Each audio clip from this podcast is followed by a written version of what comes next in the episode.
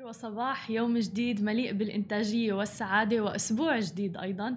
اليوم بنشرة الصباح بدنا نحكي على العديد من الأخبار. أولا أكيد آه، لحظة إطلاق صاروخ سبيس إكس. بالإضافة إلى ذلك بدنا نحكي عن قضية كايلي جينر اللي شالوها من آه، قائمة فوربس للمليارديرات. وأيضا آخر خبر معنا لليوم عن آخر مستجدات القضية الأمريكية والشرطي. آه، فخلوكم معنا وتابعوا معكم معكم أنا هالة. وأول خبر معنا لليوم مثل ما حكينا عن إطلاق سبيس إكس حيث يرى الرئيس الأمريكي دونالد ترامب إنه إطلاق رحلة بالتعاون بين ناسا وشركة سبيس إكس للفضاء تمثل نقطة تحول لناسا مشيرا أيضا إلى أنهم يمكنهم الوصول إلى المريخ قريبا وأيضا استكشاف الفضاء بشكل أوسع. جاء ذلك في مؤتمر صحفي للرئيس الأمريكي دونالد ترامب. عقب نجاح إطلاق ناجح لصاروخ على متنه رائدي فضاء إلى المحطة الدولية للفضاء. وأطلقت شركة سبيس إكس المملوكة لرجل الأعمال الأمريكي إيلون ماسك وأيضا وكالة الفضاء الأمريكية ناسا بنجاح يوم أمس صاروخ على متنه رائدي فضاء إلى محطة الفضاء الدولية. وتم تأجيل عملية إطلاق التاريخية في اللحظات الأخيرة يوم الأربعاء بسبب سوء الطقس. وأطلق صاروخ فالكون 9 والكبسولة كرو دراجون من منصة الإطلاق في مركز كينيدي للفضاء بولاية فلوريدا. وتنطلق الرحلة من نفس المكان اللي نقل منه صاروخ ساترن 5 آه، اللي هو كان فيه مهمة أبولو 11 واللي هي كانت أول رحلة مأهولة إلى القمر. ومنه انطلقت أول وآخر مهمات للمركبات الفضائية الأمريكية. ولكن من اللافت أنه إيلون ماسك هو رائد أعمال بدأ رحلته منذ سنوات. وفي 29 مايو عام 2014 إيلون ماسك كشف النقاب عن صاروخ دراغون 2 وفشل ولكنه لم يستسلم ابدا واستمر بالمحاولة ثم المحاولة ثم المحاولة. رغم إنه العديد من الأشخاص شككوا بقدراته وانه فعلا ممكن لفرد إنه يطلق صاروخ للفضاء. وللآن إيلون ماسك متمسك بطموحه بشكل كتير كبير وطموحه الآن أن يصل إلى المريخ. وفعلا بكل مقابلاته يتكلم إنه رح يوصل للمريخ بكل ثقة.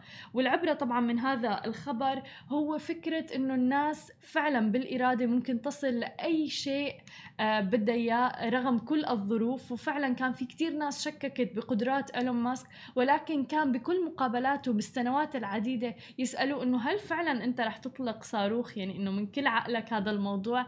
آه، كان رده بكل ثقة وكأنه الهدف أمامه وكأنه أصلا الهدف تحقق already إنه نعم. وفعلا أثبت ذلك وفعلا مو غريب عن إيلون ماسك حتى إنه آه، فعلا يوصل للمريخ. آه، بالإضافة إلى ذلك طبعا من اللافت إنه إيلون ماسك هو أيضا الرئيس التنفيذي لشركة تسلا اللي هي الرائدة في مجال السيارات ذاتية القيادة.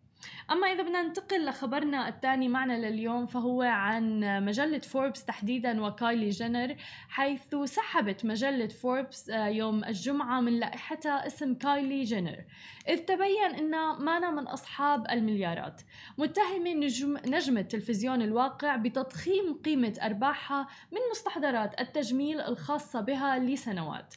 وكانت المجلة قد أدخلت اسم كايلي جينر البالغة من العمر 22 عام في لائحتها لأغنى أغنياء العالم في مارس 2019 وطبعا كان بسبب شعبية علامتها التجارية Kylie Cosmetics لكنها أزالتها منها مستندة إلى معلومات جديدة.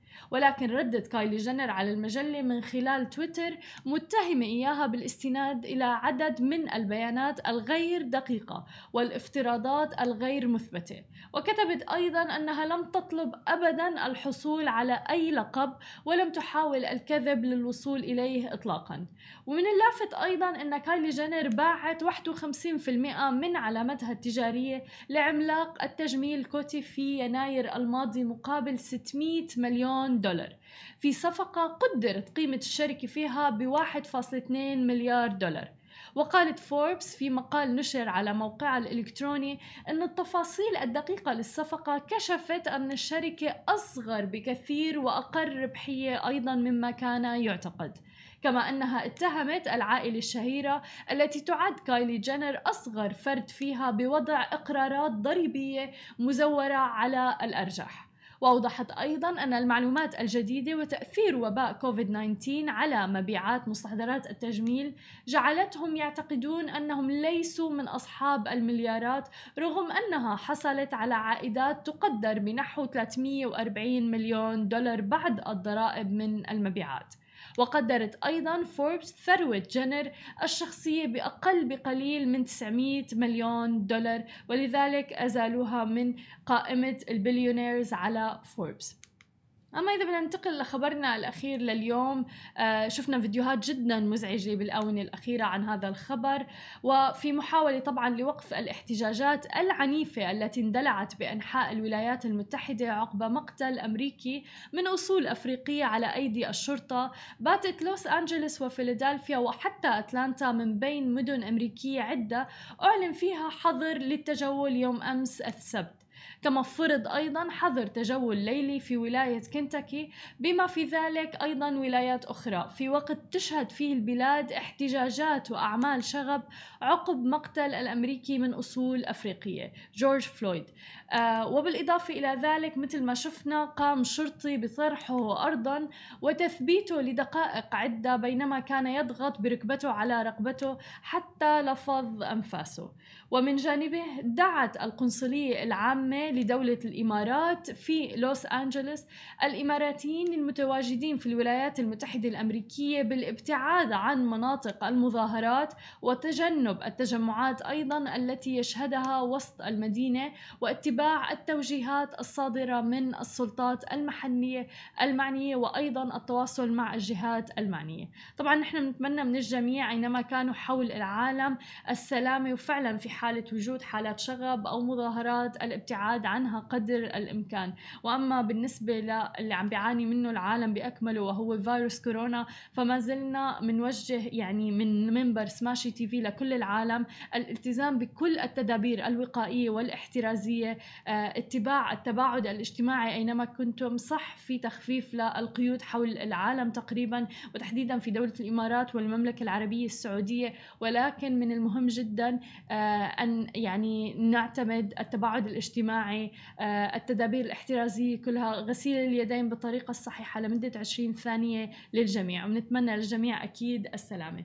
كنت معكم أنا هالة من سماشي TV بنشرة الصباح. ما تنسوا تتابعونا على كل مواقع التواصل الاجتماعي الخاصة بسماشي TV. تسمعوا البودكاست تبعنا وتنزلوا ال application. نهاركم سعيد.